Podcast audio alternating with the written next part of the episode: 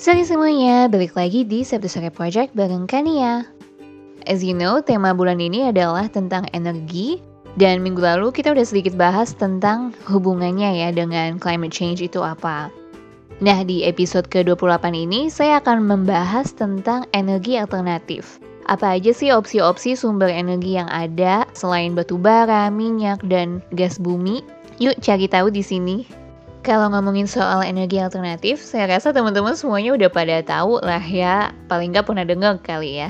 First of all, energi alternatif juga sering disebut dengan yang namanya energi terbarukan or renewable energy. Uh, intinya sih energi selain bahan bakar fosil. Jadi ya energi yang bersih, soalnya nggak nyebabin polusi atau ya mungkin polusi ada polusi tapi cuma sedikit ya polusinya nggak sebanyak uh, dibandingkan dengan bahan bakar fosil yang kemarin kita bahas. Apa aja nih alternatifnya? Di episode ini saya akan bahas dua alternatif dulu dan maybe next week uh, saya akan lanjutin alternatif lainnya.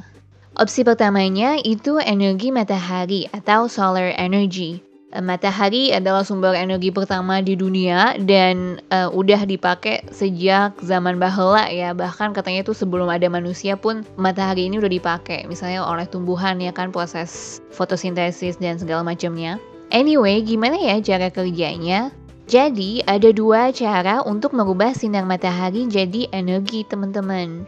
First, ada yang namanya solar thermal atau pemanas air dari matahari. Jadi, kalau ini uh, itu cahaya mataharinya diserap sama panel surya or solar panel, terus dipakai untuk manasin air. Kalau di sini mah tanpa mesin pun sebenarnya udah panas airnya kan ya. Mungkin uh, teman-teman pernah kan kalau misalnya siang-siang lagi cerah banget terus hidupin air keran, terus ya airnya kan ikutan panas ya biasanya. Nah, ya kita sih beruntung ya nggak perlu air panas untuk mandi. Beda sama orang-orang di negara yang lebih dingin yang punya empat musim biasanya uh, itu mereka butuh mandi pakai air panas ya tentunya soalnya dingin banget dan uh, biasanya mereka harus pakai listrik untuk manasin air. Makanya mereka itu memanfaatkan teknologi solar thermal tadi uh, untuk mandi air panas biar lebih ramah lingkungan dan juga lebih hemat ya tentunya. Soalnya kalau misalnya mereka memanfaatkan cahaya matahari yang mungkin siang-siang gitu kan, siang-siang ada matahari mereka manfaatin uh, untuk air panasnya ya mereka kan nggak butuh listrik lagi untuk manasin air gitu. Jadi uh, sebenarnya ini sol solar thermal ini udah banyak banget yang pakai di luar sana gitu. Terus yang kedua namanya photoelectric cells alias metode mengubah cahaya matahari jadi listrik. Katanya yang paling umum itu namanya photovoltaic cells, disingkat jadi PV panel.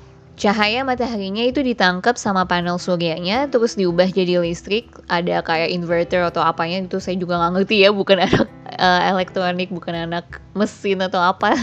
Terus ya kalau belum dipakai ditaruh dulu ke dalam baterai dulu. Jadi disimpan dalam baterai terus dipakai ketika misalnya malam hari ya kan kita butuh cahaya atau mungkin ketika mau pakai listriknya itu baru dipakai melalui baterai tadi gitu. Jadi itu namanya PV panel ya yang singkatnya. Nah, kalau kita pakai ini, bisa-bisa kita nggak perlu bayar listrik lagi per bulannya. Selain itu, solar energy ini nggak menyebabkan polusi sama sekali. Kalau bahan bakar fosil kan kita harus bakar dulu supaya dapat energinya. Otomatis ada asap dan gas-gas rumah kaca yang kemarin kita bahas itu ya kan. Kalau energi matahari nggak ada tuh proses bakar-bakarnya. Cuma nyerap cahaya aja ya cahaya dari matahari terus jadi energi. Jadi nggak ada polusinya. Tapi sebenarnya ada juga kelemahan dari solar energy, yaitu ya dia nggak reliable. Apalagi kalau tinggal di daerah yang nggak banyak cahaya matahari. Kalau di Indonesia cocok banget sebenarnya kalau pakai solar energy karena kan mostly sunny ya. Kita iklimnya cuma dua musim, terus tropis, jadi sering ada cahaya matahari. Nggak kayak negara-negara lain yang punya empat musim. Terus kelemahan keduanya ya harga PV panelsnya ini masih cukup mahal dan susah tuh kalau harus pindah-pindah misalnya. Uh, biasanya kan kalau PV panels itu ditaruhnya di genteng rumah ya di jadi kayak rooftopnya itu ada PV panelsnya di sana. Nah kalau kita mau pindah ya kan dari satu kota ke kota lain ya itu harus diinstalasi ulang jadinya ya agak ribet sebenarnya itu doang sih kelemahannya. Terus katanya sih harganya ini bakal lebih terjangkau lagi karena semakin banyak orang yang akan menggunakan PV panel ini. Dan ya katanya ini juga akan menjadi tren ya, especially di luar negeri. Nah kalau di sini maybe baru orang-orang tertentu aja yang bisa membeli solar panel. Next, energi alternatif yang kedua itu adalah energi angin or wind energy. Energi angin juga udah dipakai sejak dulu ya teman-teman. Contohnya kayak kapal layar dan kincir angin. Energi ini juga nggak bikin polusi, mungkin ada sedikit polusi suara sih katanya dari wind turbines-nya. Nah, kalau energi angin ini, dia cuma bisa dipakai di daerah-daerah yang anginnya itu kenceng dan banyak. Biasanya di negara-negara dengan empat musim ya, yang ada musim dinginnya, terus anginnya kenceng, itu kayaknya berpotensi banget untuk pakai energi ini. Tapi di Indonesia juga ternyata bisa loh teman-teman. Dan udah ada di beberapa tempat. Salah satunya itu di Sulawesi Selatan, kalau nggak salah ada dua deh PLTB. Jadi sebutannya di sini PLTB, pembangkit listrik tenaga bayu atau angin. Jadi yang penting daerahnya sih sebenarnya harus ada angin aja sih, nggak harus misalnya di negara yang dingin kayak gitu. Tapi intinya di daerah yang anginnya tuh kenceng, biasanya kan di pegunungan segala macam. Nah, ada juga nih kelemahan dari energi angin dan ini hampir sama kayak solar energy tadi. Yang pertama itu ya dia nggak reliable. Kadang kalau misalnya angin yang nggak banyak, cadangan listriknya juga akan berkurang. Terus teknologi juga masih mahal ya, butuh investasi yang besar uh, untuk menggunakan teknologi ini. Dan katanya juga suaranya itu gede ya atau bising gitu. Jadi harus dibikin di tempat yang jauh dari kota gitu. Jadi ternyata dari kincirnya atau turbinesnya itu katanya itu suaranya cukup bising juga. Jadi biasanya itu diletakinnya tuh yang jauh dari kota gitu di pedesaan atau di mana. Dan katanya juga banyak burung yang jadi korban gitu. Jadi mereka kena kincirnya terus ya banyak yang mati. Uh, but again, kalau kita mikirin jangka panjangnya ya ini jauh lebih baik dibandingkan dengan bahan bakar fosil ya tentunya. Karena polusinya itu sangat rendah, nggak ada karbon ya.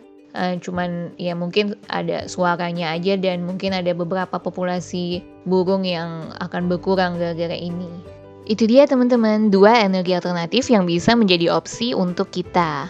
Pertama itu energi matahari yang bisa dipakai sebagai pemanas air dan listrik melalui yang namanya PV panels. Dan kedua itu energi angin yang bisa diubah menjadi listrik juga.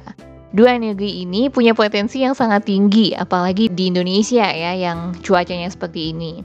Sebenarnya udah banyak inovasi dari energi matahari dan angin ini. Kalau yang solar energy, selain ada PV panels yang digenteng ya atau di rooftop, sekarang banyak yang jual charger HP dari energi matahari.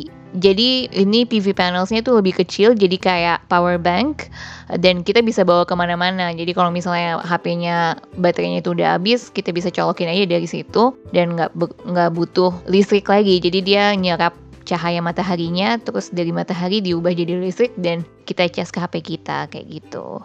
Selain itu, katanya ada juga mobil listrik dari solar energy and wind energy. Tapi ini masih custom ya, belum produksi secara massal. Dan bahkan ada juga katanya kapal dari dua energi ini. Contohnya kayak kapal yacht yang dipakai si Greta Thunberg ya ketika dia berlayar atau pergi dari Eropa ke Amerika itu kalau nggak salah kapalnya itu dari energi alternatif. Keren juga kan ya, teknologi itu memang cepet banget berkembangnya. Dan semoga harganya juga lebih terjangkau ya, supaya lebih banyak lagi yang bisa memakai energi alternatif ini. Terutama ya PV panels ya. Eh, soalnya kan ini bisa dibeli sendiri dan kita bisa pasang sendiri di rumah kita masing-masing. Nah kalau wind energy kan ini masih butuh tempat sendiri, nggak mungkin kita bikin apa wind turbines-nya di samping rumah tuh nggak mungkin soalnya dia tinggi banget dan butuh tempat yang aman lah ya dan nggak cocok di tengah kota.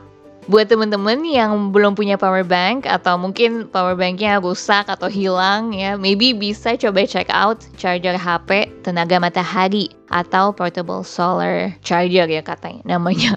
Kalau teman-teman anak teknik, sebenarnya bisa juga loh teman-teman bikin sendiri. Soalnya kemarin tuh saya nggak sengaja itu ngeliat ada video tutorialnya di YouTube gitu. Jadi siapa tahu teman-teman iseng ya pengen coba, kan lumayan tuh bikin sendiri.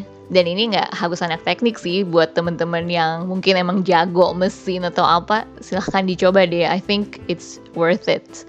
Anyway, saya rasa cukup dulu untuk minggu ini. Udah cukup banyak ya, ada dua alternatif energi. Kita akan lanjut next week. Jangan lupa follow podcast saya di Spotify, or again follow Instagram di sabtu.sore.projects.